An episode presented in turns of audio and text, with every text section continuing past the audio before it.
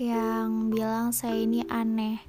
Saya ini gak memperdulikan tentang kenapa saya harus disukai, kenapa saya harus gak disukai. Saya gak peduli. Yang jelas, saya melakukan kebaikan di dunia ini secara otoritas, secara disiplin, secara gak ngawur, secara masuk akal ya kehidupan saya cuma berkutat aja di rumah. Saya nggak pernah mau berkumpul sama orang yang kalau endingnya cuma nambah beban dosa saya aja. Tanpa ditambah aja beban dosa saya udah banyak. Apalagi saya ikutan ngegosipin orang. Hidup saya juga belum benar. Kayak iya buat apa saya adalah orang yang paling cuek kalau saya dibilangin sama kawan-kawan dekat saya gini. Deh, lo kenapa sih gak pernah mau ngumpul? Lo males banget ya dengerin cerita-cerita kita. Enggak, bukannya males sebenarnya. Saya dengan senang hati menerima curhatan kalian, menerima segala keluh kalian, tapi saya nggak bisa kalau disuruh memberi komentar kepada orang. Itu kekurangan saya. Jadi, ya makanya saya jarang keluar rumah. Karena saya lebih nyaman begitu. Kalau ada cowok yang suka sama saya, dia harus terima juga sikap aneh saya karena saya bukan tipe cewek yang banyak uh, rombongan. Saya bukan tipe cewek yang bergeng-geng.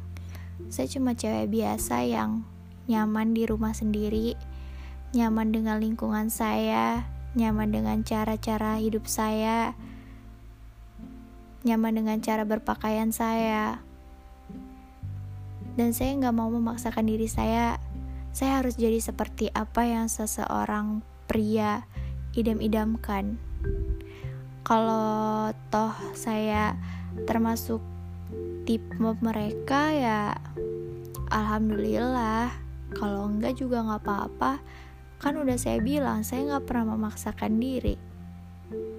Jadi kalau ada cowok yang suka sama saya saya harap itu karena dia suka saya apa adanya dia suka diri saya ya karena diri saya. Bukan karena dia suka diri saya karena dia mau jadiin saya seperti apa yang ada di ekspektasi dia saya nggak bisa. Mending cari cewek lain aja. Kan banyak selebgram sekarang. Saya mah apa? Cuma anak rumahan kerjaannya masak nyapu pakai daster nulis dengar lagu. Sengebosenin itu hidup saya tapi menurut saya dunia saya itu seru.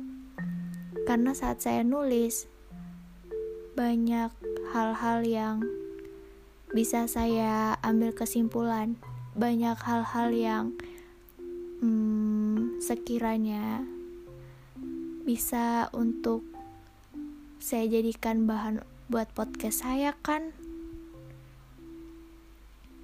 Saya ini dibilangin orang orang yang selalu melankolis. Ya padahal enggak. Saya juga dengar kok lagu-lagu ngebeat lagu-lagu ngepop Gak selalu saya dengerin lagu berirama indie yang bikin saya tidur. Kalian mah suka ngejat saya mentang-mentang saya hobinya tidur. Ya, emang sih hobi saya tidur, gak ada kerjaan lain.